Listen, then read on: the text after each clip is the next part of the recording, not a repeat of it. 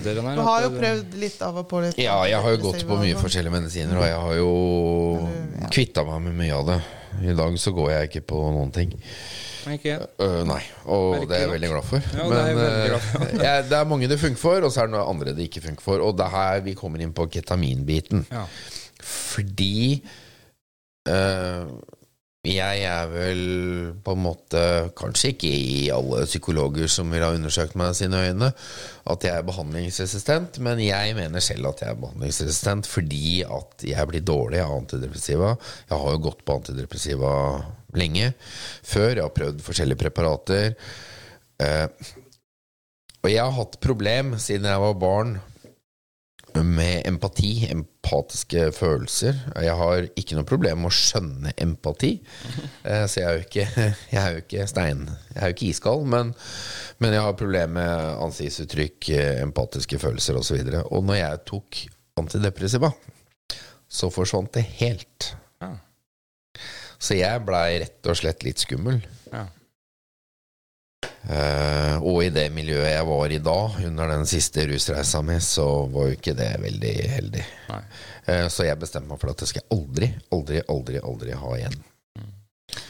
Men du kommer jo til et punkt i psykiatrien nå hvor de, hvor de liksom sier at det, Ja, men det hjelper ikke å gå her, det hjelper, ikke- det de tingene vi prøver, det hjelper ikke, du vil ikke ha medisiner Så da kanskje ikke du skal gå her Mm. lenger, på en måte. Ja, og, det er Og det var jo da det begynte å bli ganske eh, Jeg ble veldig redd, da. For jeg tenker at hva, hva, er liksom neste, hva er neste steg nå, da? Og ikke minst kanskje har det kosta deg en del både energetisk og fysisk og psykisk å skal stå det løpet ut. Ja, det gjør jo det. Og, det, og jeg har jo har jo på, på en måte opparbeida meg en slags forståelse Jeg har jo alltid sagt sånn Men ta livet av seg, det gjør man jo ikke. Liksom. Det gjør man ikke. Fordi det er ingenting som er så ille at ikke vi greier å, å på en måte kjempe oss gjennom det. Men når han begynner å prate om at han gjerne skulle ønske seg liksom aktiv dødshjelp eller reise til Sveits eh, fordi at han orker, ikke, han orker ikke mer, han vil ikke mer, liksom. Så skjønner jeg jo også Jeg skjønner det også når jeg ser hvor fælt han har det, da. Det var jo ikke noe irrasjonelt for meg. Altså, og det er jo kanskje, kanskje det er grunnen til at jeg ikke tok livet mitt, men at jeg hadde noen sånne halvhjerta forsøk. Det var vel det at jeg hadde et ganske rasjonelt forhold til døden. Mm.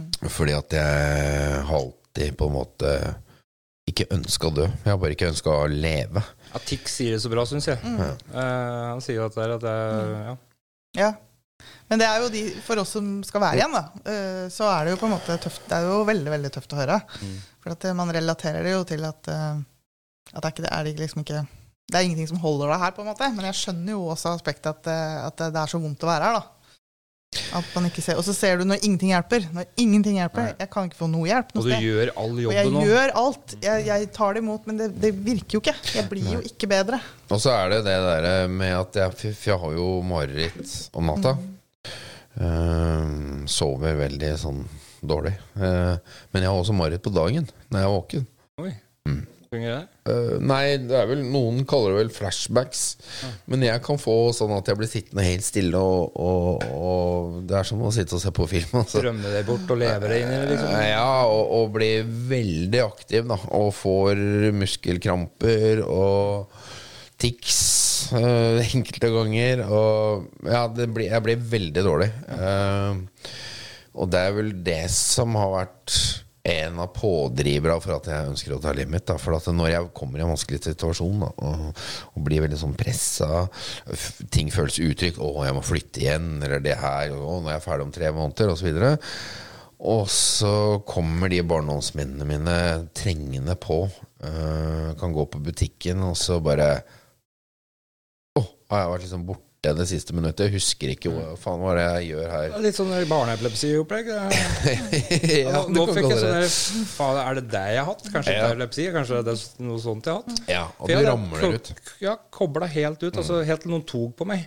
Da, oi, da var jeg tilbake igjen. Ja. Da fikk jeg frysninger igjen. svetter ukontrollert, eh, du får angst, du får følelsen at du får hjerteinfarkt osv. Så, videre. så den angsten kommer jo i tillegg. Eh, og det gjør at jeg ikke har lyst å leve. eh, fordi at de tingene som har skjedd, som jeg aldri kommer til å prate om, uh, de har vært så grove, da. Så det, det Det er, det er vanskelig å forklare. Ja. Eh, men men, men, men eh, det er nok den utryggheten som, som har ført meg i den retningen. Da. Eh, så beklager jeg, for jeg ramler ut litt. For at når vi sitter og prater om det her, så begynner det å komme tilbake. Ja, jeg, jeg, men jeg Så det har er, det er litt sånn sånn selv, vanskelig å ha. ja. Ikke beklage i det hele tatt. Altså, det, jeg forstår det Eh, veldig godt. Og, og det eneste jeg tenker da, da er hva gjør en da, da når alt er prøvd? Hva Ja, det var jo der vi Og da er jo liksom Jeg har jo den tanken at da må vi, da må vi finne ut av det. Da må vi finne ut Hva gjør vi nå? Ikke sant? Eh, og du hadde jo du, Selv om du var dårlig i den siste innleggelsen du hadde på DPS påsken for hva blir det, to år siden, så hadde du, brukte du jo mye tid på å lese. Du leste jo artikler, du leste forskning, du søkte, ikke sant. Du var eh, Og det var jo der ketaminet dukka opp. Ja, det dukka jo opp som sånn lyn fra klar himmel, egentlig. Mm. Hvor jeg leste om en, det var en kvinnelig forsker, nå husker jeg ikke navnet hennes. eh, Og så søkte jeg opp henne på YouTube, og så fant jeg faktisk et foredrag med henne Mm. om akkurat det forsøket hun hadde drevet med. For ketalar, da, eller ketamin eh, Eller det heter vel ikke det der. Jeg husker ikke helt hva det heter. Um, åh, hva heter det? Vi kan jo bare kalle det ketaminbehandling. Vi kaller det ketamin. Enkelt og greit. Eh, hvor hun hadde forska på rotter. Mm. Eh, og så hadde de forska det, Hva var det? Det var noe med stress, i hvert fall. De, de stressa opp disse rottene her. Mm. Hun, hun skulle jo ikke forske på ketamin, egentlig. Nei. Nei, Hun skulle hente et, et sett med rotter. Mm. eh, for Som å- hadde vært i ketamin? Nei, ja, det, var, det var, visste hun jo ikke da. Hun henta et, et sett med rotter fra der hvor de henter forsøksdyrene sine. Da. Mm. Eh, og da var det alltid sånn at man sikra seg at ikke de hadde vært med på andre forsøk liksom sånn umiddelbart før, men, eh, men det kunne de jo ha vært eh, langt tilbake. Mm. Eh, og så skulle hun Hun var jo psykolog og skulle utsette dem for et sånt, et sånt stress. Altså de rottene skulle utsettes for stress. Mm. Eh, og dette hadde hun gjort før mange ganger. Eh, og så så hun at disse rottene de reagerte helt annerledes på stress enn de rottene hun var vant til Ja. å stresse. Rotter de eh, gjemmer seg jo. Slutter å pare seg, de slutter å spise, Ja. slutter å være sosiale. Ja. eh, når de blir utsatt for stress, sånn som mennesker. Eh, isolerer seg, rett og slett. Eh, disse rottene gjorde ikke det. De spiste og hadde det kult som helt som vanlig. Og så begynte hun å undersøke hva er, det, hva er det med disse rottene. Hvorfor er disse rottene annerledes? Og så viste det seg at de noen uker før eller noen typ, hadde vært utsatt for ketamin. da. De hadde fått ketamin. Mm, I et annet forsøk. Ja. Så da begynte de å, å teste ut dette her. Og dette her leser jo du det jo på Det må jo bare sies, da. Eh, jeg ser det på oss som forholdsvis oppegående. Eh, I forhold til den reisa vi har vært ute på, så eh, leser vi en del og lytter en del til bøker. og og er nysgjerrig da, på ting. Ja, selv om jeg bare husker 10% Ja, jeg òg. jeg òg. Men, eh, men det får nå så vare. Jeg tenker at det er en god aktivitet uansett. Dobbelt så mye, da. Ja, ja, jeg leser en bok mange ganger. Ja, Jeg sitter med lydboka på øret samtidig som jeg leser den, med strek under penn. Ja, ja, jeg hvis det er noe som jeg må sitte, så er jeg der, liksom. Men- Ja da. Nei, så, så, så det var jo liksom det at jeg var nysgjerrig da på min egen reise. For at jeg har, jeg har alltid vært selv Altså jeg har alltid vært veldig bevisst på symptomene mine. Og hva som har skjedd med meg. Og hvorfor jeg har vært sånn. Jeg har alltid følt meg annerledes. Og det begynte jo i barndommen. ikke sant eh, At jeg alltid har følt meg utafor og annerledes. Så jeg, liksom, jeg liker å liksom finne ut av ting. Da. Jeg liker å finne ut hvorfor er jeg sånn. Uh, og hva kan jeg gjøre for å på en måte redusere mye av de der eh, symptomene mine? Da? Og hvordan kan jeg bli som alle andre? Men da var det vel en eh, ja. Var det jo litt kniven på strupen, følte jeg. Fordi du Mm. dro hjem fra DPS den gangen. For da sa de jo bare 'nå har du vært her 14 dager'. Det er det du får i, stabil altså, i en stabiliseringsinnleggelse. Du vil ikke ha antidepressiva. Nei, nei. Her er det et brett med, ste eh, med Stesolid, og så får du ringe hvis du trenger mer.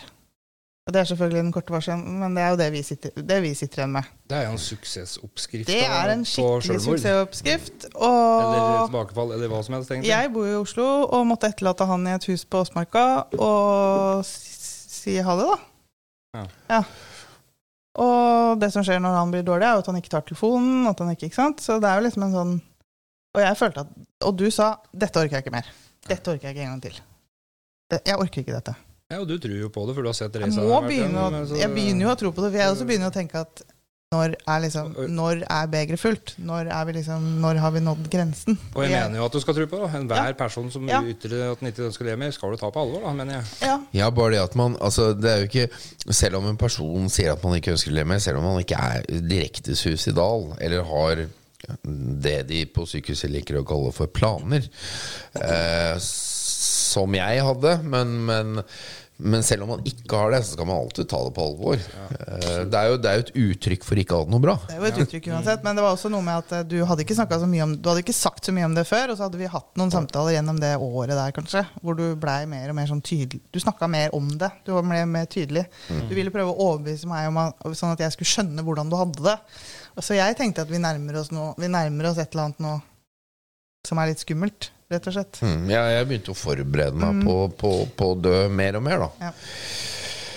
Men når du oppdaga ketaminbehandling og det forskningsgreiene, hva, hva var til rette videre, steget videre da? Hva gjorde du? Nei, jeg ble, altså, det var jo et lite håp da, ikke sant? Eh, om at faen, kanskje jeg kan overleve det her. Og kanskje unga mine kan Kanskje jeg kan få se unga mine gifte seg, få unger, eller ikke Altså følge de videre, da. Og, og være der for dem. Så da var det å begynne å utforske For dette, dette satt jeg og leste på sykehuset, og, og så fant jeg jo ut at dette her fins jo faktisk i Norge også. For det trodde jo ikke jeg når jeg begynte å lese om det. Jeg satt jo dagdrømte om å reise til USA og ta ketamin. Og tenk hvis jeg kunne prøvd det òg, da. Mm. For der er det jo mye mer utbredt. Eh, Der behandler jo også andre ting med ketamin enn det som har vært utprøvd her. Og til og med rusavhengighet, har jeg skjønt? at Eh, alkoholisme, eh, manisk depresjon, depresjon, angst, suicidalitet, smerter, De har jo mye Eh, krigsveteraner som har store traumer. De behandler det. PTSD. Ja, ja. Eh, Det er snakk om, og det er snakk om nå i dag i, i Norge, så har det vært eh, forelesninger om ketamin på russeminarer. Mm.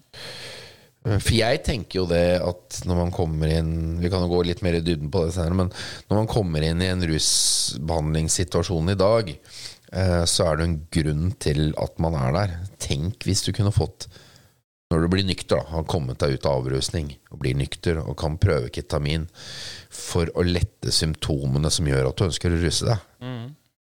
Tenk hva det kunne gjort. Eh, hva det kunne letta altså, det, det kunne jo korta I ned stedet for medikamenter behandlingsforløpet. for ADHD og sånn, for, for å fylle Ja, gapet ka- der, kanskje ikke, kanskje ikke erstatte ADHD, men for mange trenger det. Eh, Jeg sjøl har slutta med det, og føler ikke at jeg trenger det på samme måte lenger. Eh, Men det kunne ha på en måte dempa symptomene litt. Det tar ikke vekk de underliggende problemene. Og det tar jo heller ikke vekk alle symptomer, men det demper det betraktelig.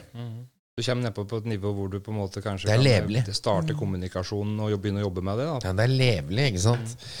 Jeg kan leve Møte med de symptomene jeg har. møte opp i timebilletter fordi du har noe å gå til som du vet at det er bra for deg, og som du, du får en fysisk reaksjon nå. Ikke sant, som er Ukjent bra. fyr som sender meg en melding på, på Facebook og spør om vi kan ta en prat, og jeg ringer han tilbake. Ingen, eller snakker. Ja, det hadde jo aldri skjedd, nei. Ikke sant? Så det er de tingene der. Og, og, og så fant vi ut da at dette her fins jo faktisk i Norge. Eh, på to privatklinikker og et offentlig sykehus. I ettertid så har jeg funnet ut at det finnes jo ved flere sykehus, men det er, snakkes jo ikke om. Nei. For de er veldig restriktive i Norge.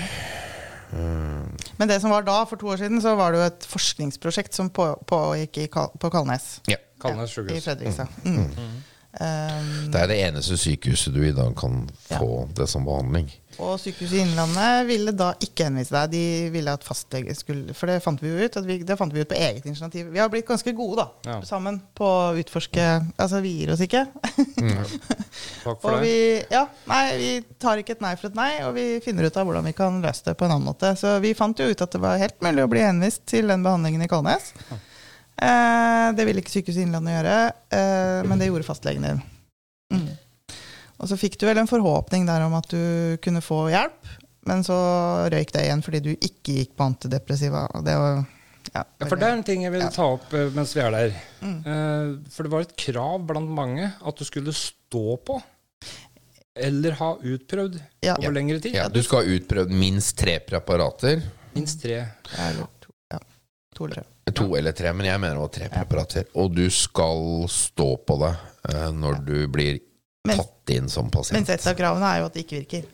Hvorfor i verden skal Ja, ja, på? du skal stå på medikamentet, men det, det, Men det men skal det ikke virke. Nei, for at du, du kan jo ikke ta et preparat som virker, og så få ketamin. Du må jo for det må jo være du det. må stå på preparatet som ikke funker. Og, og det sa jeg Er ikke det eh, Hva er det for noe, liksom? Skal jeg Og som kanskje også gjør det verre òg. Ja, og jeg, sa, og jeg sa jeg nekter å putte i meg antidepressiva. Jeg nekter, og jeg har prøvd det før, og jeg nekter, nekter, nekter. Eh, og det gjorde jo at jeg fikk jo ikke noe behandling. da. Burde ikke da egentlig kanskje altså Der burde du kanskje ta videre, du som eh, jobber litt eh, for at ting skal gjennom. Burde ikke en av avkrysningsboksa der være kanskje at eh, pasienten er behandlingsresistent? Jo, jo, det var jo det vi tolka det. Var jo det, vi Det er jo også et av kravene. Det er jo et av Det er- kravene. ja, det er det. fordi at Ja. du, du skal jo ha prøvd ut medikamenter uten effekt. Ja. Men da var et av kravene også at du skulle stå på antidepressiva. Så har de sagt litt forskjellig i ettertid om at det er nei og sånn. Men øh, enden på visa for vår del, eller for din del, var jo at du ikke fikk det der på Kalnes. Ja. Nei. Eh, og da, men da var vi så godt eh, innsausa i ketamintankegang at da gikk vi Da bestemte vi oss for at da var det en prøve da var, Det hadde jeg lova deg, på en måte. At da går vi, da går vi privat, og så gjør vi det der. Da casher du Ja. ut behandlinga, rett og slett. Ja, da var- starter vi der. Det var jo skummelt, for det funker ikke det her. Det var også skummelt. Det var, ja, det husker jeg det var veldig skummelt, for funker ikke dette? Hva gjør vi da? Eller, ja, da, da kan det jo skjære seg helt. Det var jo også et faremoment her. Mm. Ja da. men vi skulle prøve det. Uh, for det var jo ikke så mange andre alternativer. Hvor lang tid tok det da fra dere liksom, fikk avslag og alt sånt, til dere fikk eh, prøvd det? Eller så? Du fikk vel avslag i løpet av den sommeren der eh, en, gang, en eller annen gang. Mm. Og så var vi i gang på høsten og i 2021. Mm. Hvor vi vi Fikk vel første dosa i november eller Ja. noe, tror jeg. Mm. Vi fikk kontakt med den privatklinikken. Mm. Og der ble vi tatt imot med åpne armer. Selvfølgelig koster jo penger. Det er privat. Ehm, men vi fikk time. Jeg har aldri vært i privatbehandling. Bare for å være hva sammenlignbart. Hvordan føler dere mottatt der i forhold til offentlig? Ble, Nå har jo ikke jeg vært i offentlig ketaminbehandling, så, Nei, nei. Men, men i det private så er det veldig Nei, det, det var en hyggelig stemning. Det er litt Det sånn er jo litt annerledes type klinikk, dette her. En ketaminklinikk den er jo veldig Det er eh, dempa belysning, de spiller rolig musikk, Litt det sånn luk, yoga. lukter godt der. Ja. Menneskene prater med veldig lav stemme, de er veldig hyggelige. Så du føler deg på en måte Du kommer hjem til ja, bestemor, liksom. Ja, ja. Det blir veldig koselig stemning, da. Tenk om det hadde vært den stemninga på alle sjukehus. Ja. At du Ja, kommer ja. inn og bare Ja, ja. Hallo. Ingen hvite vegger. Nei, nei. Blodprøver, sier du. Sitt her og slapp av litt, her, så skal vi hente noe å drikke til deg. Så det, det hadde gjort noe med ja, Ja. høye skuldre, i hvert fall. Så Så det um, ja, det var en god, det var en god opplevelse. Det var, først så var du jo på en innledende samtale. Ja. Og da følte du deg veldig godt ivaretatt. Og veldig, Veldig. godt, uh, ja. Ja, for Jeg har veldig lyst til å høre litt nøye om hva dere opplevde her. For her er dere da på tå hev, spente. altså Dere vet at det skal skje. Mm. Jeg vil gjerne høre begge sin versjon av åssen dere oppfatta hverandre, eller oppfatta han. da Jeg var veldig spent først fordi jeg hadde rushistorikken min, og det skal man nok ikke ha, egentlig. Ikke på privatklinikk heller? Nei. Nei. ok Eh, De er veldig restriktive. Mm. Og har du opplevd mye eh, psykoser, blant annet, så kan jo ketamin være litt skummelt. For at du kan reaktivere Ja, det er jo dissosiativt legemiddel som utløser eh, hallusinasjoner osv. Men bare for å avbryte litt før Ja. det, da, så kryssa jeg av her for at eh, jeg skrev uten her at fysiske bivirkninger kan, at det kan ha fysiske bivirkninger. Kvalme, oppkast, blodtrykk, puls eh, og litt sånne ting. Um, men at det var veldig varierende av, av doseringa. Så her kan du prøve deg fram. Liksom, du må ikke bare få den smakk inn full dose, og så blir du helt uh, psykotisk. Eller at uh, Nei. Nei. Men det var jo veldig fordel med å gjøre det på den privatklinikken som hadde så mye erfaring. ja. ja. Flere av de som jobba der, jobba jo også på Kalnes. Mm. eh, Og hadde mye erfaring med å gjøre dette. Og en av de som jobber der, han uh, har jo tatt med seg fra USA. ikke sant? Han hadde masse erfaring derfra også, i tillegg. Så det var jo veldig, sånn, det var veldig, veldig, veldig trygt. De hadde liksom alt, Dette her hadde de helt på koll. ikke sant? Blodtrykket ditt, Kvalmestillende fikk du. Det var liksom en del Og Ja. dosen, de visste hva de skulle starte med. De visste hva de skulle spørre om. For, altså, alt det der var veldig, veldig trygt. Mm. Ja. Jeg vil jo si at det er veldig bivirkningsfritt. Ja, Det står her òg at det er de bivirkningene som oppstår, er forbigående. Ja, det er forbigående. Jeg ble kvalm første gangen, og etter det så har jeg aldri opplevd noen bivirkninger. Nei, og Det står det her òg, at er uansett hva du opplever av de andre òg, så, så er det forbigående i alle studier det de har av erfaring til nå. Er Det er ingen som har hengt seg opp i, eller fått en eh, Hva heter det? Um, det er ingen som har blitt der. Det er blitt værende nedi der, da. Nei, at det, det det, det at, med en psykose, liksom. Nei. Så Men fortell, da. Du kommer inn der, du eh, Ja. Ja, jeg var veldig nervøs. Jeg var det. Eh, og, og det var fordi at jeg hadde de opplevelsene jeg hadde fra helsevesenet med rushistorikken min, og jeg visste, jeg visste så godt at de kom til å på en måte pirke borti det, da. Men så snakka vi, veldig hyggelig, og han spurte meg liksom om hva jeg hadde brukt. Og han sa at jeg har vel aldri brukt Jeg har aldri prøvd noe Hva heter det for noe? Sånne Ja, syre. ja det psykadeliske. Psykedeliske eh, greier. Jeg brukt kokain og amfetamin. Eh, jeg har et avklart forhold til russ. Tar meg en sider i ny og ne. Så jeg ser ikke på det som noe problem. Uh, og så spurte man om jeg hadde hatt mye psykoser, hvor jeg egentlig blånekta for det, men det har jeg vel hatt, som alle andre som har brukt kokain og amfetamin og vært våken i åtte til elleve dager i strekk og sånn. Men rusutløst, da? Du har ikke hatt noe Nei, nei, jeg ikke, liksom? nei, nei, jeg har aldri sittet hjemme og blitt psykotisk Nei. uten det. Så, så det er jo rusutløste og dårlig søvn osv. Eh, og så sa han nei, men eh, jeg syns vi skal prøve. Gjøre et forsøk, og, og så tar vi det stille og rolig derfra. De har jo et sånt behandlingsforløp da, hvor du kan få Du får liksom De seks første dosene er liksom på en måte grunnbehandlinga di. Mm. Og så blir det liksom skreddersydd etter hvert. Det er en Liksom, vurderingsprosess. i de veien blir til mens du går, da, på en måte. Ja. Du skal ha to liksom tette med en ukes eller to ukes mellomrom. Mm, Mm. tror jeg. Ja, det var to, to doser en uke, to doser, og så Mm. Vi tok et litt annet opplegg. Uh, men uh, men uh, jeg, ble, jeg følte at jeg ble veldig godt ivaretatt, da. Skal vi prate noe mer om selve første dosen nå? Jeg vil gjerne eller? høre førstegangsopplevelsen din. Jeg, liksom, for at det, det, er, det er ofte forskjell på førstegangs og når du har kommet i gang. Ja. Eh, for at det, det, det er den jeg vil ha litt tak i. For at det, det er ikke alltid første inntrykk andre bildet. Du må, ha den der, du må legge til rette individuelt, kanskje òg.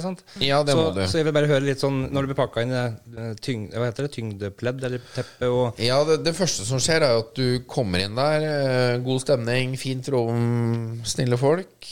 Eh, følte en sånn veldig ro. Og så får du sette deg i en stol og prate litt, og så fylle ut noen papirer på, på egentlig på symptomer på depresjon. Jeg husker ikke hva de skjemaene heter, men det er sånn standardskjema. ikke sant? De siste 14 dager, hvor ofte har du tenkt på å ta livet ditt? Hvor ofte har du følt deg ubrukelig? Og så videre, og så videre. laga referansepunkt, kanskje? Eh, Lage et referansepunkt, for det må du gjøre hver time. nemlig Du må fylle ut disse papirene hver time for å ha sammenligningsgrunnlag fra forrige time. Mm. du har vært der ti ganger, så kan du se hvilke poeng. Altså, Ja, For du ser jo hele tiden om det hjelper, da. Du, du ser om symptomtrykket letter. Og det er jo viktig uh, å følge med på om dette egentlig har noe hensikt.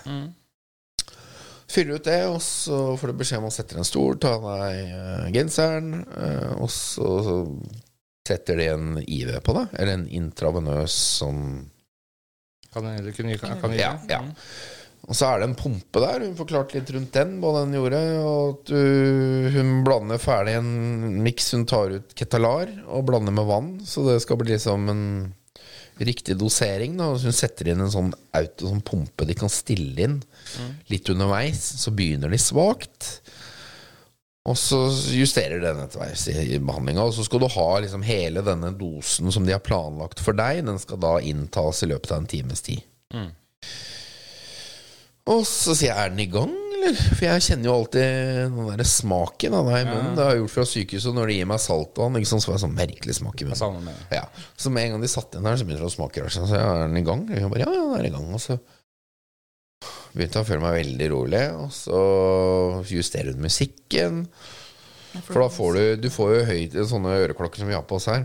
Får det på øra, og så får du sånn ansiktsmaske som gjør at du ikke ser noe. Fordi Poenget med det her er jo at du Skal stenge inntrykk ute, da. Ja, fordi at det, det, det er jo ikke party du er på. Du skal jo ikke sitte og se Her skal du Du skal, du skal ikke hallusinere. Derfor er musikken også er viktig. Det er jo et poeng. Ja, Det skal ikke være tekst. Og, Det skal ikke være tekst, ikke sant? det skal være ambient. Ja. Du skal på en måte bare ha lyd som gir en rolig sinnsstemning. Du skal ikke ha Rolling Stones på full faen, liksom. For da, da Det kan Det havner en annen plass.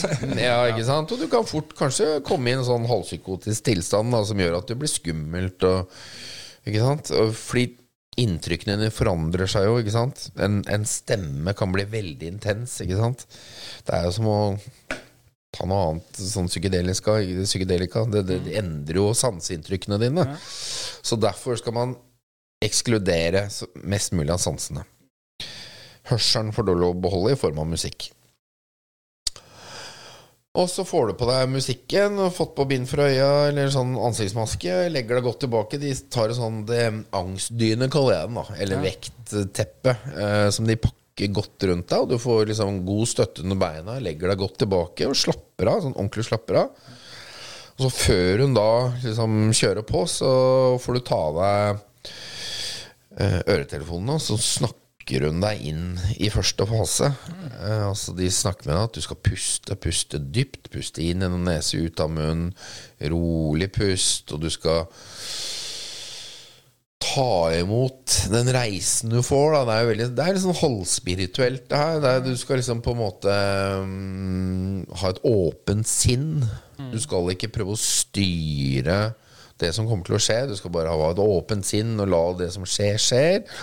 Og om du får vonde tanker eller gode tanker, så, så skal du bare la det komme. Du skal observere. Du skal ikke ta del. Du skal ikke liksom ligge og føle. Du skal, du skal bare observere hva som skjer. Ja. Og så får du på musikken igjen, og så legger du deg tilbake, og så kjenner du at plutselig forsvinner smerten i kroppen. Jeg har jo veldig mye smerter.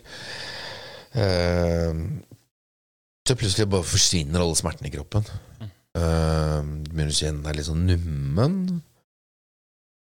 Og så er det uh, Så forsvinner du nesten bakover i stolen og bare ned i et svart høl. Det er som å lokke igjen en svart søppelsekk rundt deg. Det er, litt sånn der, det er her når du får narkose, den følelsen der, kanskje. Ja, samme, du får narkose, men du er våken. ja, ja, ja. Mm. Eh, og denne musikken tar deg liksom I og med at det, synsinntrykket ditt er hemma, så begynner hjernen å lage bilder. Ja, ja, ikke sant? Så plutselig så ser jeg lys, og jeg ser landskap.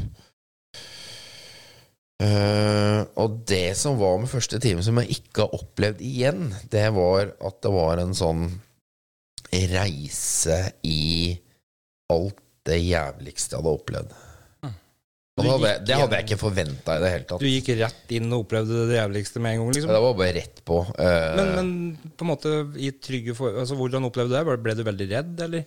Nei, egentlig ikke, for du blir ikke redd. Fordi det er jo som de sier, at eh, ketamin kobler jo hjernen fra kroppen. På en måte, Det er jo et dissosiativt legemiddel, så du på en måte Du anerkjenner det, du ser det, og du opplever det, men du føler ikke at det på en måte Du ser det litt utenfra, da. Ja, det nå, fikk, nå fikk jeg en ny sånn relasjon til uh, hva jeg opplevde i koma uh, tror jeg ble knivstukket. Yes. For eh, jeg var jo så nære døden at jeg opplevde å være på den plassen der Mm. hvor jeg så meg sjøl bakanifra. Ja. Ovenifra, bakanifra. Ja. Eh, men jeg hadde fortsatt synet fra den personen som satt Jeg så jo det som var foran meg, Ja. men hver gang jeg skulle snu meg og se på de folka jeg møtte, Mm. så skifta jeg til de øya bak og så, så at jeg snudde meg. Så det var helt merkelig. Men, men det var en sånn der åndelig, spirituell greie som jeg ikke klarer å forklare, da, Mm. men som, som ikke var det fysiske. Det var ikke noe traumerespons fysisk. Det, jeg håndterte alle de skumle tinga, alt det vonde som skjedde i de drømma der. Mm. Det er avklart, på en ja, måte. det var, var bare Ja. Og, og det er jo det her ketamin gjorde for meg da første gangen, det, og, og påfølgende, altså. Eh, det var det at jeg på en måte kan se de tingene som underbevisstheten min går og gnager på. Det kunne jeg se med nye øyne, da. Eh, Og det setter seg ikke fysisk, liksom. nei, nei. og jeg, jeg så på en måte ting jeg hadde gjort som var feil. Eh, ting folk Sånn som fattern. Jeg møtte fattern. Eh, fikk en varm klem av han, egentlig. Det var helt merkelig.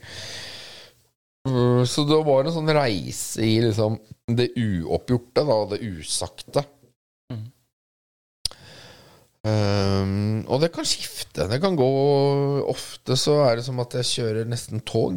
det, det, er, det er helt vanskelig det, det, det er umulig å beskrive det. Men du, det er en sånn reise gjennom hele behandlingstiden du ligger der, den timen. Så føles det som det tar fem timer. Eh, og du beveger deg. Det er hele tiden nye ting. Og det er litt av den musikken gjør, for den endrer jo karakter litt sånn underveis.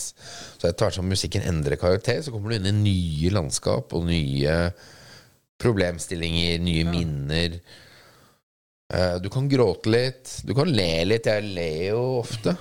Ja. Gliser ligger jo, og gliser har jeg hørt. Um, Og da sitter de jo òg da og observerer deg hele tida, og justerer da mengden. Hvis de ser at du begynner å bli ubehagelig, eller at det er sånn, så justerer Ja. de litt på sånn at du Ja. Til å begynne med så gjør du det for at det skal være minst mulig traumatisk, eller ikke traumatisk, men ubehagelig. Da. Det skal liksom på en måte være litt stabilt. Altså Vi driver ikke og eksperimenterer på folk her, så, så, så det er jo på en måte liksom skal være så stabilt som mulig, men også så effektivt som mulig, da. For du skal jo ha den dosen her i løpet av den timen. Ja. Eh, og etter hvert som du får påfølgende behandlinger, så øker du jo også dosen, og du får mye mer inn Altså det er sånne kurver, Hvis du kan se på det som en kurve, da. De begynner jo svakt, og så blir den sterkere, og så blir den litt svakere, og så helt på slutten, når du, skulle, så når du begynner å gå tom, så blir den jo lavere og lavere, og lavere så får du mindre og mindre og mindre.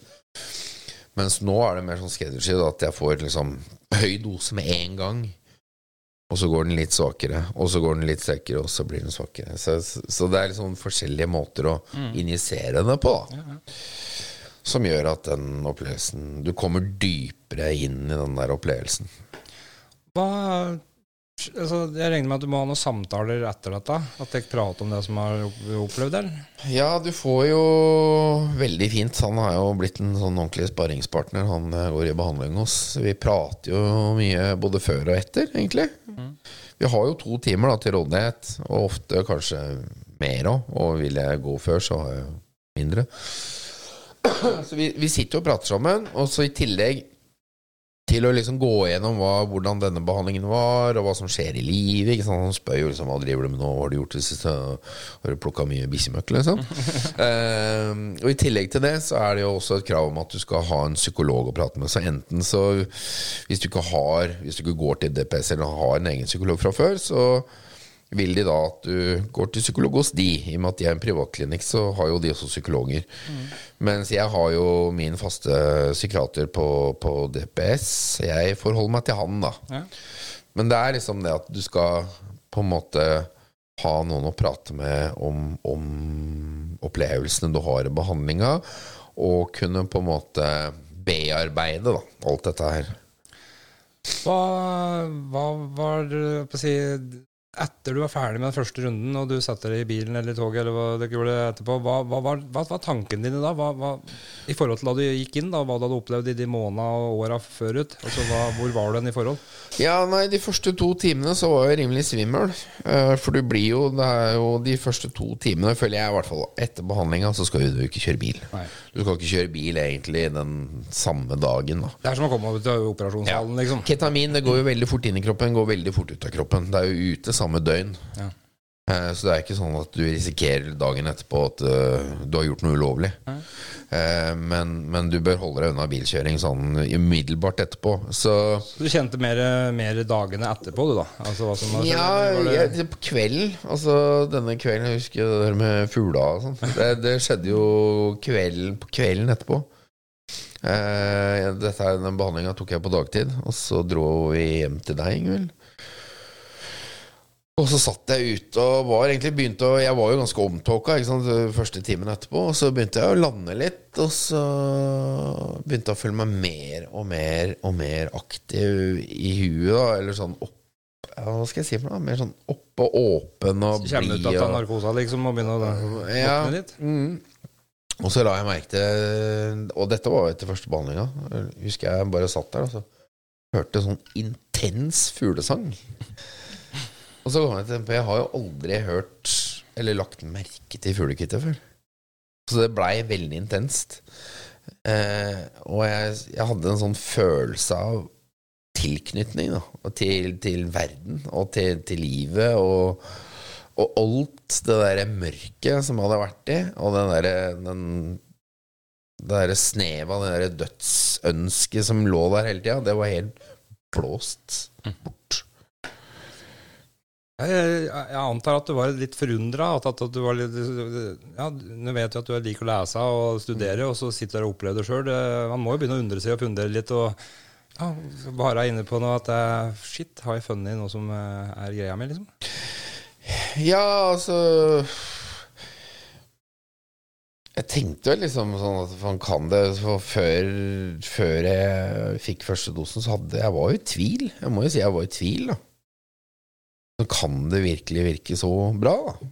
Men så kjente jeg jo da den kvelden hvor, hvor oppe jeg var og, og blid, og, og dagen etter så funka det nesten enda bedre, liksom. Jeg var jo Jeg fikk jo gjort ting. Jeg fikk gjort ting jeg aldri liksom Sto opp, og alt var liksom Kunne være aktiv, da. Og Åssen observerte du da, som sto på utsida av Sågata, liksom? Uh... Jo, det var, det var jo en, veld, jeg må si det var en veldig veldig sterk opplevelse. Veldig. Ja, um, og jeg var jo med, for du ville jo ikke, du ville jo ikke gå aleine. Det tror jeg var greit. Jeg var jo med de første ja, sikkert seks, sju, åtte gangene. Uh, men den første gangen husker jeg veldig veldig godt, for jeg husker at vi var jo spente. Uh, og så blir det sånn når du er litt sånn stressa, så blir jeg ofte veldig rolig. Så da uh, prøvde å berolige deg. Og, på en måte, og så så jeg jo at når du kom inn her, så var det liksom greit. Du la deg i stolen. Uh, og forsvant, på en måte. Kjempa litt sånn Akkurat som han, han strever litt med å liksom komme ned. Slippe frykt og sånn. Slippe, liksom. Eh, så da var du litt sånn urolig, og jeg husker at hun liksom måtte snakke, måtte snakke litt til deg. Og liksom måtte ta på meg, husker jeg. Ja. Mm. Og så eh, ble det jo ganske fredelig. Du prater alltid ja, det er i hvert fall de første gangene prater du litt. Så det, jeg, kunne, jeg, kunne, på en måte følge med på det du opplevde, på en viss måte. Mm. Og det var nok det var veldig spesielt for meg, for i og med at jeg kjenner historien til Erik så godt, så ga jo veldig mye av det du sa, mening. Ja, ikke sant? Mm. Eh, ikke like mye for hun som var med på de første behandlingene, for hun kjente jo ikke deg så godt. Uh, for meg var det veldig, det var veldig, veldig meningsfullt. Jeg var veldig veldig spent på hvordan du uh, var når du våkna. Men jeg husker jo veldig veldig godt fra den første gangen at uh, jeg så at du la armen over sånn. på et eller annet tidspunkt. Og så hørte jeg jo at du snakka med, med faren din. og en del andre ting som jeg ikke akkurat husker nå, men jeg husker den armen som kom over der. Og når jeg spurte deg om det etterpå, hva, hva var det som skjedde? Du traff faren din, for det hørte jeg du sa. Hva skjedde? Og så sa du han ga meg en, en klem. Mm. Og det var, jo det, hadde, det var, jo det jeg hadde, sett. Ikke sant? Veldig veldig spesielt, syns jeg.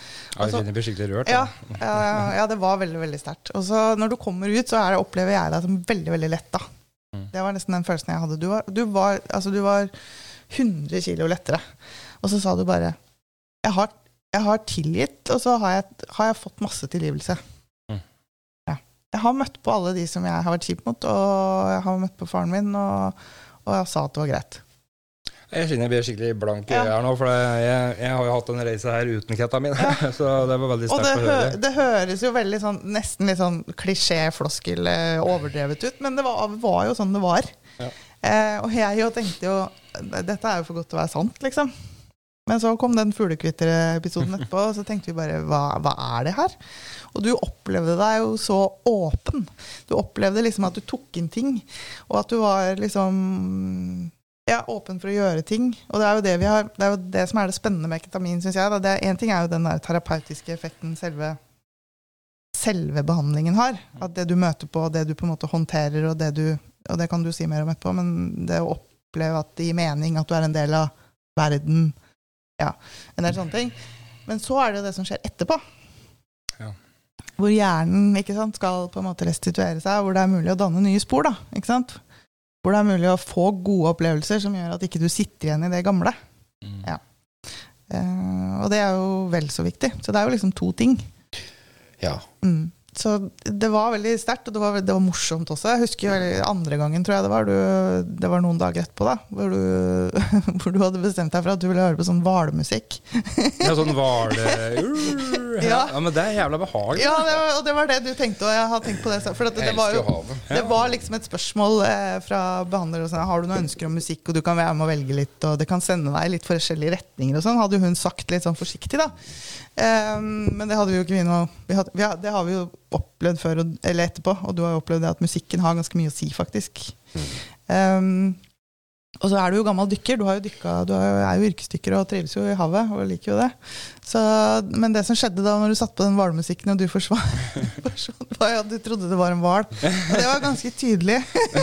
Jeg, lag, jeg lå visst og lagde sånne blåselyder når barnet Ja, du gjør sånn psh, psh, Og det gjorde du sånn med hånda. Du sendte hånda ut, liksom. Og det har vi jo tulla med etterpå, da. For det er liksom sånn når vi, når vi syns det blir litt mye, eller det er mye, mye greier, så er det liksom sånn Send det bort. Få det ut, ikke sant? Det er herlig. Og det var vel kanskje det som var, det var, kanskje det som var tema. For det jeg opplevde veldig sterkt de første fire-fem gangene, var jo at det var et sånt tema. Det var liksom en sånt tema du gikk gjennom. Mm. Ja. Og den hvalepisoden her, så var det, det var det med havet og, og sånn, men det var også det å liksom komme opp igjen. Eh, opp av dypet. Opp av dypet, ja. Og det å liksom sende ting av gårde. da. Få det ut. Ja. Jeg har vært i verdensrommet. har Ja, du har overalt. vært over og under, og du har vært overalt. Men det var, det var noen sånne temaer som gikk igjen, som, eh, som var viktig for deg å bearbeide. da. Mm. Eh, men vi har, vi har jo hatt det litt morsomt. Det men det har vært veldig spesielt for meg å sitte og se det utenfra. fordi det vi har gjort etterpå, er jo at vi har snakka om hva jeg har sett, og hva du har opplevd. Og så på en måte connecta det litt sammen. Fordi det, det var, du sliter jo litt med hukommelsen, du sliter jo litt med å huske, og du må, det, det er viktig for deg å snakke om de tingene du har opplevd. Ja. Fordi at det på en måte gjør det ja, Dra det fram da, for å på en måte få nytte av det. Og det har du jo også fått beskjed om, at, du skal, at vi skal snakke om det. Ja. Eh, Og det er jo det psykiske. Det, det, det fysiske også, som jeg merka veldig godt etterpå. Det var jo det at fordi at jeg alltid har vært eh, Og det har jeg hatt med meg fra barndommen, det er at jeg legger veldig godt merke til det som skjer rundt meg hele tida. mm, Uh, når jeg går på gata, så ser jeg veldig mye på folk uten å snu huet så mye. Men uh, jeg leser liksom ja, jeg, Hvis det går folk bak meg, så hører jeg hva de sier. Men når jeg kom ut Jeg husker det veldig godt. Det var første gang jeg kom ut fra behandlinga, så la jeg ikke merke til noe. Jeg bare la merke til at det var folk der. Og jeg tenkte egentlig ikke så mye over ting. Og jeg var veldig Jeg husker at jeg var veldig sånn slapp liksom skuldra. Jeg kunne liksom gå og kose meg i byen, da.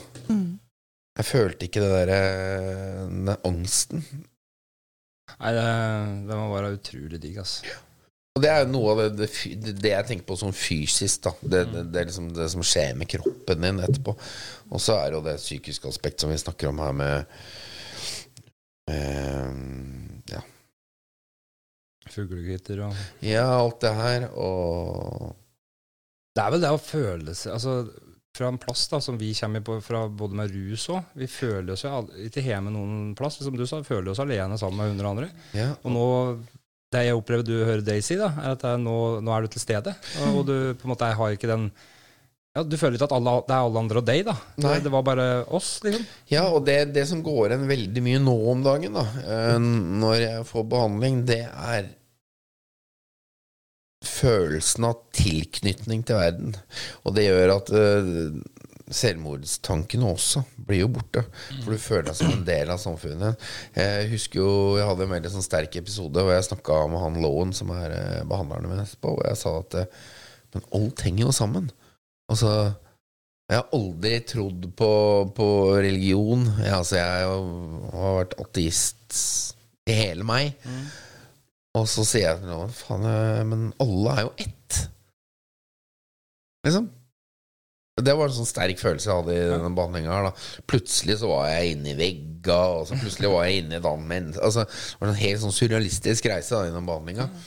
Og så snakka jeg om den der følelsen av å være tilknytta og føle meg som en del av noe etterpå. Og det er en sånn greie som går igjen i hver behandling nå, at jeg føler meg mer og mer tilknytta samfunnet rundt meg, og greier å knytte relasjoner, greier å prate, greier å ta, ringe deg, ikke sant. Så det har kommet sterkere og sterkere, og det tror jeg er jævla viktig, da, når du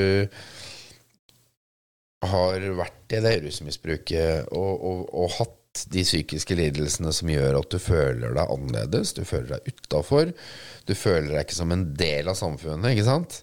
Som gjør at du blir destruktiv og går i destruktive spor. Så det har vært viktig. Det, det er sånne ting som den ketaminen virkelig har gjort for meg. Da.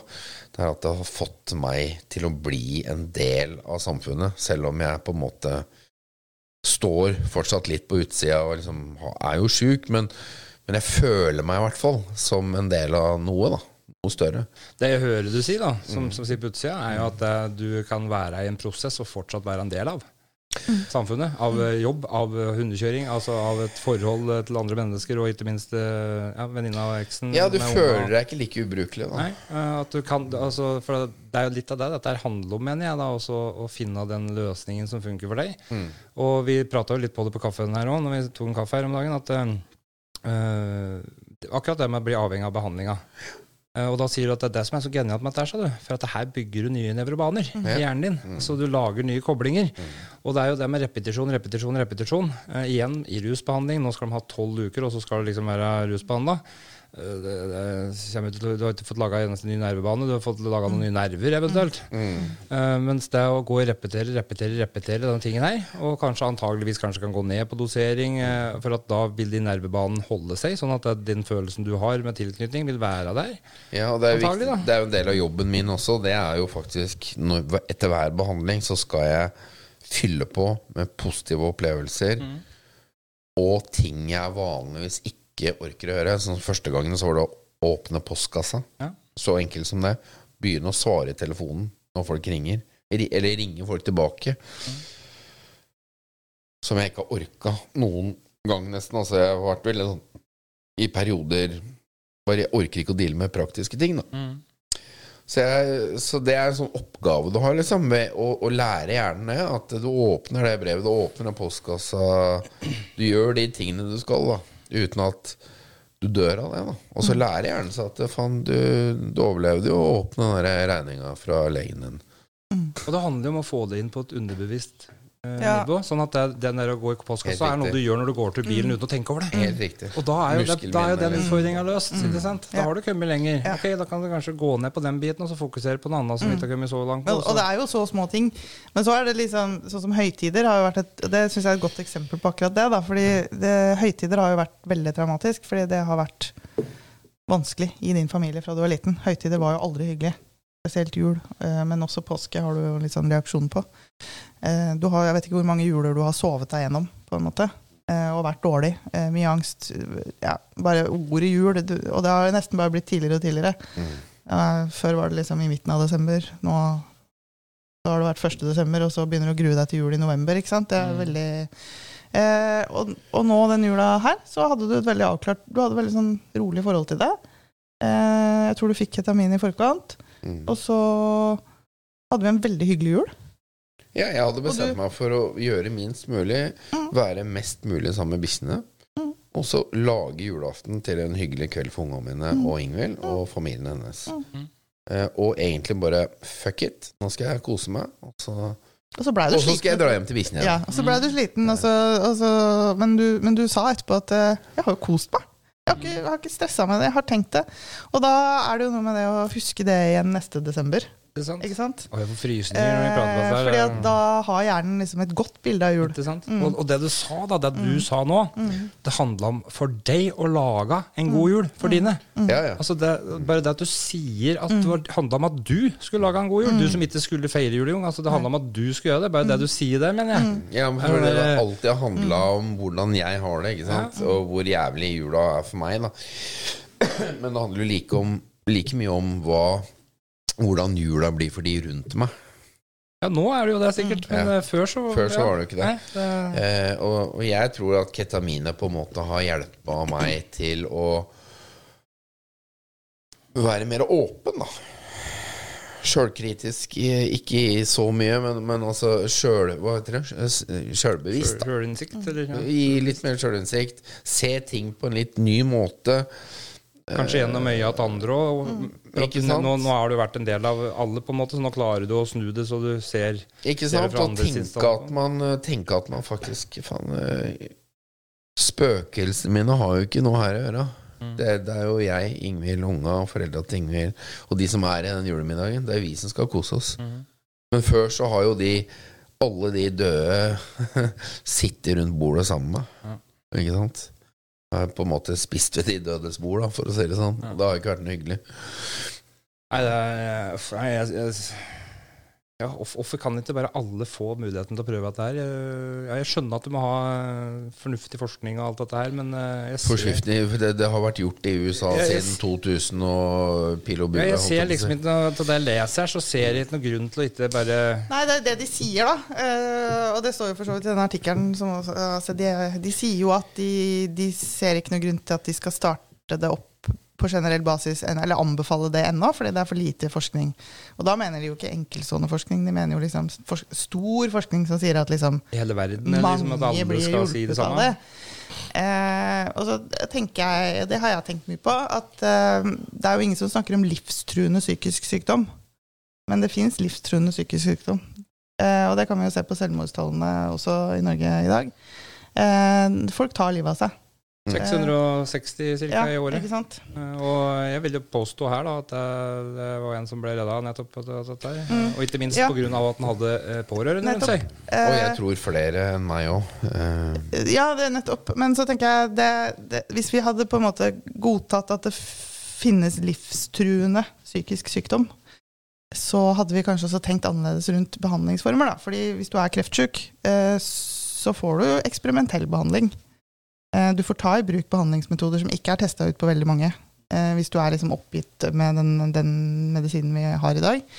Eh, du får lov å prøve det, for vi har på en måte ikke noe å tape. Og det er litt sånn som jeg, den følelsen vi hadde når vi gikk inn i den ketaminbehandlingen, var jo at vi har ingenting å tape på dette, Nei. egentlig.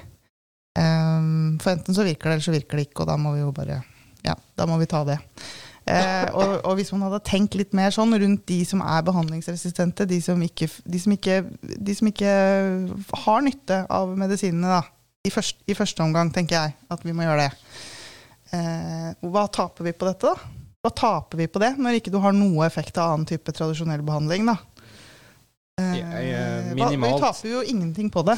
Og det er jo ikke, det er ikke i denne formen ikke et rusmiddel. Eh, Det er eh, billig. Det er et billig medikament. Det koster ingenting. Eh, Det er ikke farlig på noen som helst slags måte, og har ingen bivirkninger. Så Det er veldig, veldig rart at ikke man kan eh, rulle ut det i litt større format, altså. Ja, Og litt raskere. Og fortsatt er det jo sånn at Sykehuset Innlandet eh, nekter å henvise til Kalnes. Eh, selv om Kalnes har lange, lange ventelister, da, eh, så nekter de å henvise til det sykehuset som faktisk har det. Det finnes jo andre sykehus som gjør det. Derfor er jo ventelistene veldig lange. Ja. Mm. Jeg så jo eh, nå jeg leste en reportasje, det måtte jo være om Kalnes, tror jeg, når jeg satt og Mm. googla litt før jeg kom hit, eh, at de hadde ikke hatt noe ventetid. eh, Og så etter at det hadde blitt kjent, så var de oppe i ni måneder ventetid. Ja, og og det da, er jo et enormt Det Ja. er jo en enorm interesse og en enorm det er 660 i året, da, Mm. potensielt. Mm. Og hvis et sykehus skal dra unna det med, med dette her, så vil de aldri være klare det. altså, hvis ketamin kan hjelpe fem av de 660, Ja, så er det verdt det. Og ikke bare vært det. Eller Altså, én av de 660. ja, altså hvis du kunne ha hjulpet fem, så hadde det vært økonomisk forsvarlig. Jo. Mm. For at det bare var bare for, altså, I de tre-fire åra jeg har vært i eh, arbeidsavklaring nå, nykter, Mm. uten medisiner eh, Altså i, eh, ja, ikk- i ren arbeidsavklaring, da tar vi ikke med rusbehandling, eh, psyko, eh, psyko, psykologspesialisttimer eller DPS. Altså kun arbeidsutredning, så koster jeg eh, samfunnet tre millioner i året. Mm. Pluss de tilleggsgreiene. Mm. Og da kan du tenke deg hvor mye penger du kan spare på dette her. Og da kan man jo begynne å snakke også, ikke sant? for at man snakker jo her som ketamin som siste utvei. Da skal du altså først bruke medisiner som er lagd i forrige århundre. Og som, Først skal du som, bruke som de i lang tid. ha. Eh, uten effekt. Eh, du skal være sjuk, du skal være sjukmeldt, du skal være borte fra jobben din, du skal kjenne på følelsen av å være håpløs og, og ubrukelig. Og så skal du få ketamin i andre enden. Vi kunne ikke, vi kunne ikke ha tenkt oss at vi begynte, i, begynte med ketamin. Ja, jeg, mener at, jeg, jeg, jeg mener helt klart at altså, ketamin koster ingenting å produsere. Nei. Nei. Det er ikke mange kronene. Altså. Nei, nei, det er et billig, Eh, det er et billig legemiddel. Eh, og de kunne Og så kan vi ikke tenke oss da at uh, det er det første du får når du havner på DPS. Mm. eller med, med traumerelaterte symptomer og rusmisbruk i rusbehandling. Eh, altså Der kunne det hende at de tolv ukene vi prata på, kanskje hadde vært nok da, for å få avklart om dette var noe som hadde fungert, eller Ja, altså For det, det har vi kanskje ikke sagt igjen, men nå så får du tolv u... Eller Ja, Det siste jeg hørte fra Kalnes, var at der også har de måttet være restriktive. Så der får du tolv behandlinger med ketamin. Ja. Og det er jo for lite. Ja, Og da snakker vi ikke om det samme som rusbehandling. Nei, nei, nei. Det, det ikke blande er jo kort her. For forskjellig. at, eh, Mm. men, men det er vel tolv uker i rusbehandling også, som skal være liksom, det skal være eh, Ja. rehabilitert. Men nå var, det, nå var det ketamin jeg tenkte på. Ja, okay, hvis, det, ja. at, eh, at, eh, når, hvis du ser på at du tar på DPS, da, Mm. uansett hvilken grunn du er der for. Eh, men du må jo så klart ta hensyn til de, de individuelle tilstandene og alt det har vært gjennom. Du må fortsatt krysse ut alle skjemaer og sånne ting. Men, men si at du kommer gjennom den årlige, da, og du får. Eh, hadde det da vært nok med de tolv for å få det kartlagt, tror du? Eh, For å få kartlagt effekt, ja, det tror jeg. Ja. Men så må man jo ha ro på at man kanskje trenger mer. ikke sant? Og Ja. det, der la jo vi Vi gjorde det jo litt dumt kanskje i begynnelsen, og det har jo et økonomisk aspekt i det også. Du fikk ganske tette behandlinger, følte bedring, og så tok vi en pause. Ja, vi begynte å liksom skulle ta to-tre måneder imellom. Det funka ikke. Og så venta vi på en måte på at du skulle begynne å bli dårlig før vi tok neste dose. Og det Og var det var nok en dum år. approach. Og vi hadde en, en, du hadde en dårlig sommer i fjor, blant annet, eh, hvor det var litt uh, rufsete. Og så ble vi på en måte enige om at vi skulle bare kjøpe og gi deg en i måneden. Mm. Mm. Og da har du jo, det har jo vært veldig vellykka. Blitt mye, mye bedre. For nå slipper du de der bølgedalene hvor hjernen igjen danner dårlige, dårlige baner. ikke sant? Så nå er du liksom på en altså Nå kan vi begynne å, nå kan vi begynne å liksom ha litt lengre intervall imellom. Man kan jo tenke seg at dette er noe, og det sier jo psykiateren din på loven òg, det kan jo tenkes at det er noe du må ha resten av livet. Men Men fortsatt Ja, billigere. men, Fortsatt men, men billigere. kanskje bare en gang i året, eller kanskje Ja. bare sjette måned. Mm. Dette her mener jeg det, det er jo individuelle behov her som vi må ta hensyn til. Ja, og så sette en ramme med tolv behandlinger, og så er det nå, nå er det bra. Noen kanskje trenger bare seks. Noen trenger tolv. Kanskje noen trenger 18. Kanskje noen trenger øh, seks, og så en gang hver tredje måned, en gang hver sjette måned. Altså det, det må man jo på en måte være en, i en situasjon som pasientbehandler gå sammen om å finne ut av. Ikke sant? Men jeg mener at det her burde vært noe av det første man prøvde. Hvor mange behandlinger har du hatt? Vet du? Cirka? Nei, det vet jeg ikke. Sånn cirka rundt av neste ti, ti, ti, titall? 15, kanskje? Ah, Ja, 15. noe sånt. Det er ikke mer, nei. Nei, nei. Nei, nei. nei. Ja, det må jeg jo si at du har jo kommet langt på de 15, da. Ja, ja, Ja. absolutt. Og så må man tenke seg at det er et helt liv. Det er over 40 år med traumer og, og dumme valg innimellom. Og valg man ikke styrer sjøl, og mye rart. Så det er jo ja. Og det som var, da eh, For to år siden så fikk jeg angst eller en depresjon eller eh, selvmordstanker. Altså alle disse tingene, alle disse symptomene som dukker opp underveis. De kunne vare i fem dager. Som jeg ikke tok telefonen, ikke prata med folk. Hvis folk kom skulle ta en kaffe, sant, så åpna ikke døra. Eh, Det kunne vare i fem dager, kunne vare i 14 dager, kunne vare i tre uker, kunne vare i fire uker. Og nå var det i kanskje en time, kanskje to timer, kanskje den dagen, da. Kanskje jeg har to dårlige dager, men ikke dårlige dager i den form at jeg tenker at jeg skal ta livet av meg, men at jeg kanskje jeg skal slappe av i dag. Jeg skal bare henge sammen med bikkjene, da. Men dette høres ut som en normal person. Ja, nemlig. Alle har jo sånne her. Alle har jo sånne dager. Ja, så dette er ikke nødvendigvis deg eller din reise. Dette er jo du som er blitt nordmann. Nei, nei. Men, men det at jeg fortsatt ikke orker å ta del i visse ting Jeg orker ikke på en måte å forholde meg til folk i en arbeidssituasjon fordi at eh, jeg plutselig kan bli sjuk i morgen. Jeg, altså, jeg har jo i løpet av en dag og signinger. Ikke sant? Det blir jo aldri helt borte. Men ting er ikke like Altså følelsene som settes i gang, er ikke like sterke som før, og de varer ikke like lenge som før. Men de kommer, og de er der. Marerittene mine er der. Det blir aldri borte. Traumene mine, minnene mine, kommer jeg aldri til å bli kvitt. Men jeg kan leve med det. Jeg kan håndtere det. Ikke sant? Jeg kan håndtere det, og jeg Og kan, kan- forholde meg til det. Og tenke at livet er verdt å leve, selv om det er der. Og jeg har ikke Jeg tenker ikke på selvmord. Nei. Det kan dukke opp som en sånn kjapp tanke, og så er den borte igjen. For det er sånn oh, Ok. Ja. Hva med empati, som vi prata på innledningsvis? Har du fått tilbake noe til deg, eller er det litt sånn det samme? Jeg har fortsatt problemer med ansiktsuttrykk. Og, og så å lese å le, Jeg har litt sånn problem med å lese folk i situasjoner. Jeg har fortsatt uh, problem Altså hvis du Her er greia, da. Altså jeg kjenner på empati. Jeg kjenner at du på en måte ikke skal ha det vondt og sånt, men jeg har ikke den følelsen at hvis du ramler og brekker beinet, så får ikke jeg vondt i magen, liksom. Nei. Eh, eller om du hadde blitt, for, blitt påkjørt av en bil, så hadde ikke jeg kjent noe sånt. Nei. Men jeg syns det er trist og leit at folk blir utsatt for noe dritt eller har det fælt, da. Det, Men du ser mer på prosessen du må igjennom, enn hva de føler, på en måte? ja. Jeg kan kjenne meg igjen. Ja, Det er litt hva jeg hadde når jeg rusa meg, faktisk. Så var jeg litt sånn, Og så fikk jeg tilbake at empatien når Ja. Men det, det er noe på en måte jeg har lært meg fra barndommen min av for å ikke gå under Ja. i situasjonen. forsvarssystemet ditt. Ja. Så, så det, sånn kommer jeg alltid til å være, tror jeg. Men, uh, men jeg har blitt mer glad i folk. Ja, Det merker jeg jo. Du er jo utrolig eh, lett å prate med og åpner deg opp. Og du Ja, ja. hadde aldri vært trodd at du hadde rusa deg en dag i ditt liv hvis du ikke hadde visst uh, historia di. Liksom. Nei, så, så jeg, jeg har blitt veldig glad i folk. Jeg har blitt veldig glad i klubben min, eh, som jeg er medlem av, Mesna, eh, hvor jeg kjører hund. Uh, møter folk der, veldig hyggelig. Så det setter jeg veldig, veldig pris på. Uh, drikke kaffe med folk. Uh, setter også pris på alenetid, for det har jeg blitt veldig vant til. Men jeg hadde ikke den følelsen for et år, for to år siden, mm. at jeg syntes det var ålreit å møte folk. Mm. Bare så det er sagt, eh, I dag så koster hver behandling med ketamin ca. 7500, var det det vi fant ut?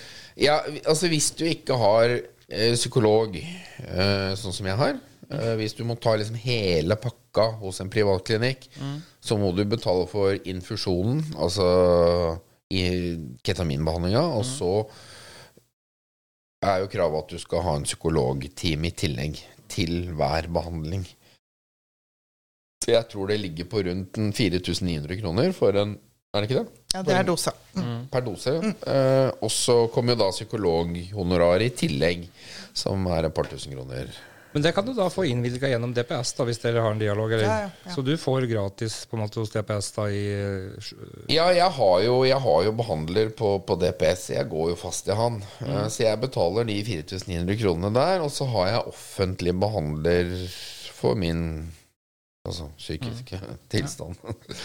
så, så jeg har jo ingen behandler på DPS. Og har jo en behandler der som er veldig positiv til ketamin. Det, er jo, det, er også, det fins jo folk i systemet Ja, som altså de, de, er positive til ketamin åpne, også. de er åpne for det, og de er jo nysgjerrige på det. Og jeg tror at veldig mange i, i helsevesenet og i psykiatrien er jo veldig nysgjerrige på det her. Og det har jo vært Det er jo ikke noe nytt. Nei. Eh, så jeg tror de er veldig åpne og nysgjerrige, men jeg tror alle disse fine folka som jobber i psykiatrien og i helsevesenet, er lider under uh, gamle normer og regler og paradigmer. Ja. Det tror jeg. Det er ofte sånn jeg ser det både med legalisering av cannabis og alt det der òg, at um, jo, jo, for hver ny generasjon som kommer, så beveger det seg litt i den retningen at det, det åpner seg og blir litt mer eh, ja, frittalende eller frittmenende. da. Selv om det ikke nødvendigvis er sånn at det er de velger å ruse seg på det, så ser de på det med litt andre øyne, for at det er en evolusjon da, som, som jeg tror at vi på en måte ikke kommer til å utgå da, i framtida. Uh, men eh, det skulle ønske at det gikk litt raskere medisinsk. Jeg skulle ønske at det gikk litt raskere, for jeg er også helt sikker på at ketamin er en del av det offentlige tilbudet om eh, noen år. Mm. Det er en del av det offentlige tilbudet i dag òg, for de Ja. behandler aldersdemente på Sandrummene. De har det på Elverum sykehus. Mm. Eh, men jeg har aldri hørt om det der. Neida. Eh, Så det er jo det, men, men det til finnes. flere, da. Til flere. Tilbudet fins. Eh, Ja, er nå har telefonen min i kamera satt i vei, men jeg leste jo så sagt en artikkel her som fortalte eh, om at det var et sykehus i Norge som gjorde det på, eget, på eget ansvar. Men er det Kalnes, da, kanskje? Det er ikke noe offentlig sykehus som gjør at det er på eget ansvar, kanskje? eller? Ja, det vet jeg ikke om det har kommet flere til, da. Det vet jeg ikke. Jeg skal sjekke det når vi, når vi avslutter her, så skal jeg legge ut en link til det. Men, Mm. men jeg leste i hvert fall at eh, For når de spurte Psykiaterforeningen og Mm. Legeforeningen og alt det der, så sa de at eh, ja, ja, for all del, det var, det var bare å prøve det, men eh, da på, med egen risiko. altså Da, da fikk du med opptura og ansvaret. Og Ja, fordi, fordi medikamentet er jo godkjent. Ja. Ikke sant? Det, er jo ikke, det er jo ikke et nytt medikament. Det er Det er jo et medikament som alle sykehus har. Altså Det har de jo på Mm. Det er ikke godkjent til den behandlingsformen. Nei, altså, det det, var er det. ikke, go det er ikke godkjent til det er ikke en del av på en måte den, den Ja, den Hva, hva kaller man det? Den eh, Det, det de brukt ønsker- noe annet enn det der. Den ja, anbefalte på en måte Jeg tror ikke, det noe, det, jeg tror ikke du blir straffa for å bruke ketamin. eh, Altså det, er jo, det er lov å bruke det i den formen. Ja. Så Sånn sett så kunne man jo ha satt i gang. Mm. Eh, men det, de sier jo nå at de avventer liksom at det blir en anbefaling. Eh, at det skal at- tas i bruk, da. Jeg tenker at mm. vi må ta oss og sparke politikere litt i ræva og så si at det her må være noen som er litt modige. Og så Jeg kanskje tenker at noen må gå litt i bresjen og, og ta den saken, da. For jeg vet jo at det sitter mange her, eh, her i Innlandet som gjerne vil ha ketamin. Mm. eh, og som mener at det kan hjelpe. Og det som er litt av saken her, var at psykiatrien sier at um, ja, de tilbyr ditt og de tilbyr datt, og de har mange, de har mange Det fins jo folk som faktisk ikke er en del av psykiatrien i dag. Som sitter i hus og hytter og rundt omkring. Som er på en måte oppgitt av psykiatrien. Eller som har blitt kasta ut fordi de ikke har møtt opp til timene fordi de har vært for syke til det eller ikke orker å ta den turen. Eh, og de er det jo ingen som ser. Ingen ser dem. Nei, og altså, altså det du prater på der, da, som du Mm. også sa i avisa, at eh, når du ikke tok telefonen, så ble du kasta ut av behandlingen. Ja. Det er Hvis du ikke kom til time, så ble du kastet ut av behandlingen. Ja. Det er. Eh, men sketamin har gjort at du møter opp på hver jævla time. Altså, det, det, Eh, og den historien med at man blir kasta ut av psykiatrien man ikke møter opp til timen, er jo en egen historie. Men jeg vet jo at det fins mange jo mange som har mista tilbudet sitt fordi de ikke har orka å, orka å ta den turen. ja, de er jo for syk rett og Eh, slett. Ja, jeg fordi greide man er for syk. Nei. Jeg greide jo ikke å, å komme til time. Nei, og det er jo ofte en del av bildet når man blir forverra i en depresjon eller i, eh, i PTSD, for den saks skyld. da. Eh, At man isolerer seg og blir borte. Det er jo litt spesielt at man da bare sier at da mister du tilbudet ditt. ja, De visste jo ikke om jeg hadde hengt meg eller ikke. Nei, det var De, det. altså, de bare ringte én gang, og så var jeg ute av systemet. Og du tok jo ikke telefonen. Og så Mm. Når Og er det jo du, når du tok kontakt ansvar, tilbake og spurte kan jeg være så snill å få en time, så sa de nei, du har ikke noe. Du har ikke noen Du har ikke behandler noen behandler her. Nei, det, er, det må seriøst gjøres sånn her. Mm.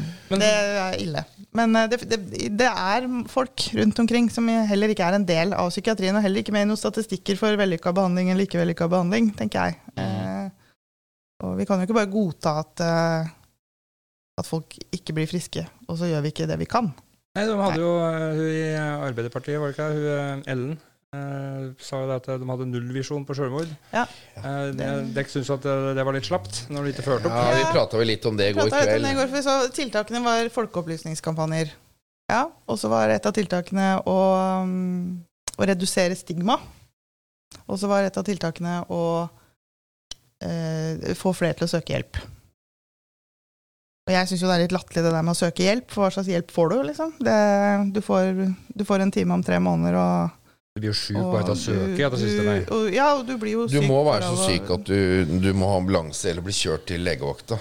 Men da får du ikke hjelp for at du er rattrusavhengig i tillegg. Så da Ja, du ja. forby om du skal få en smertestillende. Og hvis du ikke sier at du vil dø, men at du er sjuk, så, så får du kanskje noen piller og en dag eller to, og så blir du sendt hjem. Ikke sant? Eh, så det er jo ikke altså, Hva slags hjelp er det de Jeg tenker at her må noen, her må noen på bordet og si hva, hva, hva er bak de tiltakene? Hva er det bak der som gjør at de tenker at de skal komme i en nullvisjon? Ja. Og kanskje må man snakke med folk som faktisk har vært i den situasjonen. Og nettopp derfor, eh, det er derfor denne podkasten eksisterer. Mm. For at jeg håper at eh, alle sprer de episodene her. Mm. Blant alle de kjenner, både i det politiske miljøet og i Mm. Nav. og i a- alle, Så alle får vite at det finnes en utvei for de 660, og, og antakeligvis flere òg. Mm. Ja. Og så skal man ikke liksom tenke at det- det hjelper alle og absolutt alle, og det er jo ikke noe poeng heller. Men det er jo helt tydelig at det hjelper noen. Ja, vi, er, vi, er, vi er i hvert fall altfor redde for at det, behandling skal på en måte utløse mer rus. Ja. Eh, det- det Og sånn rusaspektet ved det er jo liksom litt, er jo litt Det snakka vi også en del om i går. For dette er jo ikke Dette handler jo ikke om rus. Nei. Nei, Men det, det blir jo en handlet om, men, det, men det handler til slutt om det Ja, av ja. stigmaen og på grunn av at du Ja. har rusa deg og hatt Ja. en så, så blir det handelen om det til slutt. ja. Det det Og det er jo en uheldig sammenblanding, tenker jeg, i dette tilfellet. Ja, altså, jeg, jeg vil jo si at uh, rusbehandlinga mi er jo på en måte ferdig med. Der har jeg vært, og det er jeg liksom ferdig med. Nå driver jeg med psyken min. Eh, ketamin er jo Special K Det, det har jo dårlig rykte fra, fra, fra vestkysten i USA på, på 70-tallet, ikke sant? Okay. Mm. For dette er jo et preparat som først ble kjent under Vietnamkrigen ja. eh, som et veldig fint legemiddel, fordi det stopper ikke åndedrett og hjerte. Du kan pøse på. Blant annet disse barna i grotta i Thailand ble jo redda ut med det her. De fikk ketamin, så de sovner, blir bevisstløse, men hjertet stopper ikke, og lungefunksjonen stopper ikke. Ok. Eh, og så var det Så det funka veldig bra under Vietnamkrigen, for det hadde jo mye store traumer. Altså Ja, det er jo brukt i dag også i krigsområder. Som, Ja, ja. Som Ikke sant? Som anestesilegemiddel, for at du kan bruke det uten å ta livet av folk. Eh, og så blei det jo kjent på vestkysten av USA på 70-tallet. Disko Diskomiljø. Diskoen var liksom, hadde sin storhetstid, da. Gudene veit hvorfor, for det kan jo ikke være noe behagelig. Um, Nei, det, det første det ville vært tror jeg, hvis jeg skulle på disko, kanskje. Nei, absolutt ikke. Og, og, så da har jeg fått det derre rus, russtempelet, da. Ja, Men det har jo alt, syns jeg. For at det, du, når vi prater på krig, altså Hitler med amfetamin eh, altså Plukk hvilken som helst krig du vil, da, så dukker det opp et eller annet som har blitt brukt ja. tilbake til krig. og Men mennesker har jo alltid vært sånn. Ikke sant? Fins det noe vi kan Ja. russe oss på, så gjør vi jo det. Ja. Og så blir det misbrukt, og så får du dårlig rykte, og så blir det vanskelig å forholde seg til etterpå. Vi mennesker vi hater jo å forholde oss til noe som er vanskelig, eh, og noe som kan gi ubehag. Eh, Nei, det er, men jeg tror at det, hvis vi, ja, vi må plukke bort alt dette der, og så må vi begynne på nytt igjen. Bare, Hva er det du trenger? ja, Mm. Ja, dette her Uansett hva det har blitt brukt til før, hva er det du trenger nå? I Ja, din ja. reise og i din Ja, ja. behandling. Og, Dette her handler ikke om rus, og, og behandlingsformen har ingenting med jeg, altså, jeg får ingen rusassosiasjoner når jeg er i behandling. Nei. Så for meg handler det ikke om rus. Det handler om en indre reise og den fysiologiske forandringa som skjer i hjernen min etterpå, som gir meg dempa symptomtrykk. Det er det det handler om. Uh, og jeg jeg skulle, jeg, jeg skulle gjerne ha prata om, om ketamin 24-7, hvis det her kan hjelpe andre i min situasjon. Eller de personer Jeg skulle ønske at det kunne hjelpe de personene som sitter der ute, som ikke har noe til å snakke for seg, da, som ikke får hjelp, og som ender opp i selvmordsstatistikken. Og jeg visste ikke at han hadde det sånn, jeg. Nei, ikke sant? og ikke bare det, han jeg visste ikke at det fantes behandling. Nei, så- visste, ikke sant? Han har jo prøvd alt. Ja. Han har jo prøvd alt. Jeg visste ikke at det, Søren òg, ikke sant?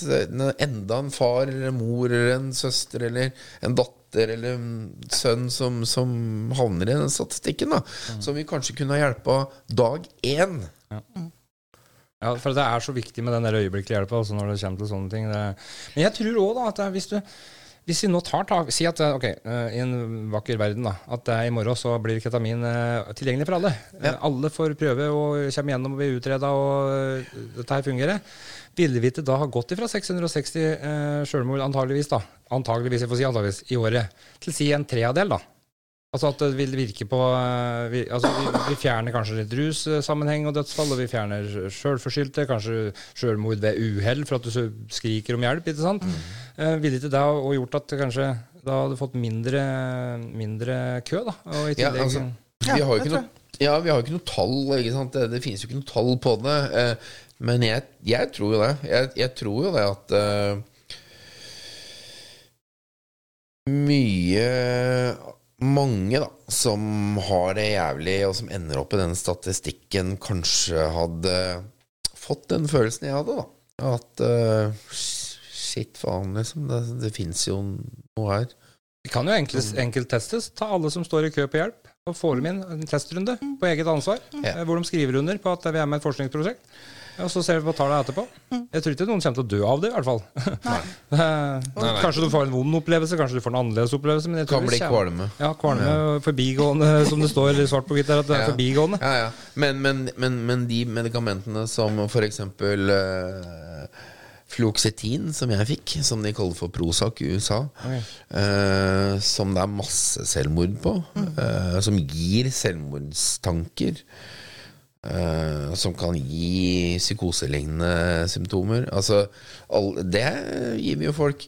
Altså, de har jo til og med gitt meg eh, antidepressiva og sendt meg hjem, liksom. Som er, det er jo klin gærent. Ja, og hvis man ser på mye forskning som er gjort på de typer medikamentene, som er gamle også, så kan man jo spørre seg spørsmål er- Hjelper det veldig mange, da? På de beroligende angstdempende og lykkepillene så står det faktisk at du kan bli suicidal Ja. Ja, ja. som en bivirkning. Ja. Jeg, jeg det, tror, det står jo, står jo ikke noe om det her, at det er en eh, tilstand her, liksom. Ja, men jeg tror, jeg tror ikke at vi skal Jeg tror ikke at vi skal på en måte latterliggjøre de medikamentene. For det, det hjelper jo også veldig mange.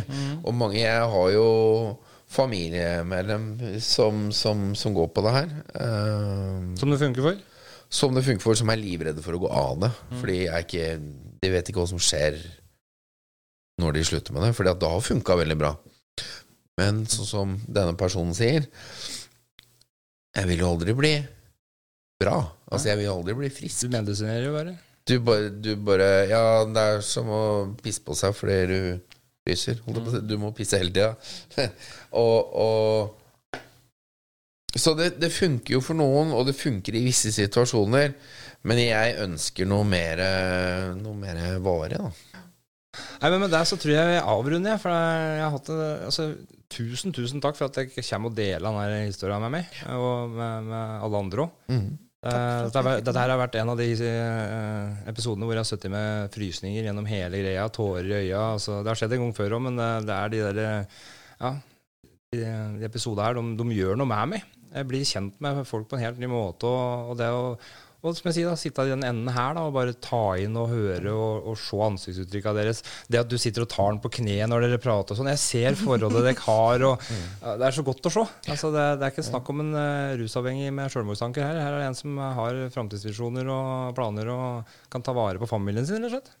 Ja, nei, jeg håper det. Og det er veldig hyggelig å kunne gi folk frysninger, da. Så, men eh, men jeg, jeg håper jo at eh, det her kan nå Nå de som føler seg litt sånn føre på litt håpløshet. Og så håper jeg det når de som kanskje har makt til å i lokalt, da, Uh, kunne ta det videre. Uh, og kunne se mer på det. Hvis det er noen som sitter og hører på, som uh, gjerne lokalt, da, hvor jeg har størst mulighet til å påvirke, må bare ta kontakt om sånne ting og dele historier. Det, så setter vi veldig stor pris på det. Så sier jeg bare tusen, tusen hjertelig takk for at jeg kom. Takk for at vi kom. Takk for at vi fikk komme.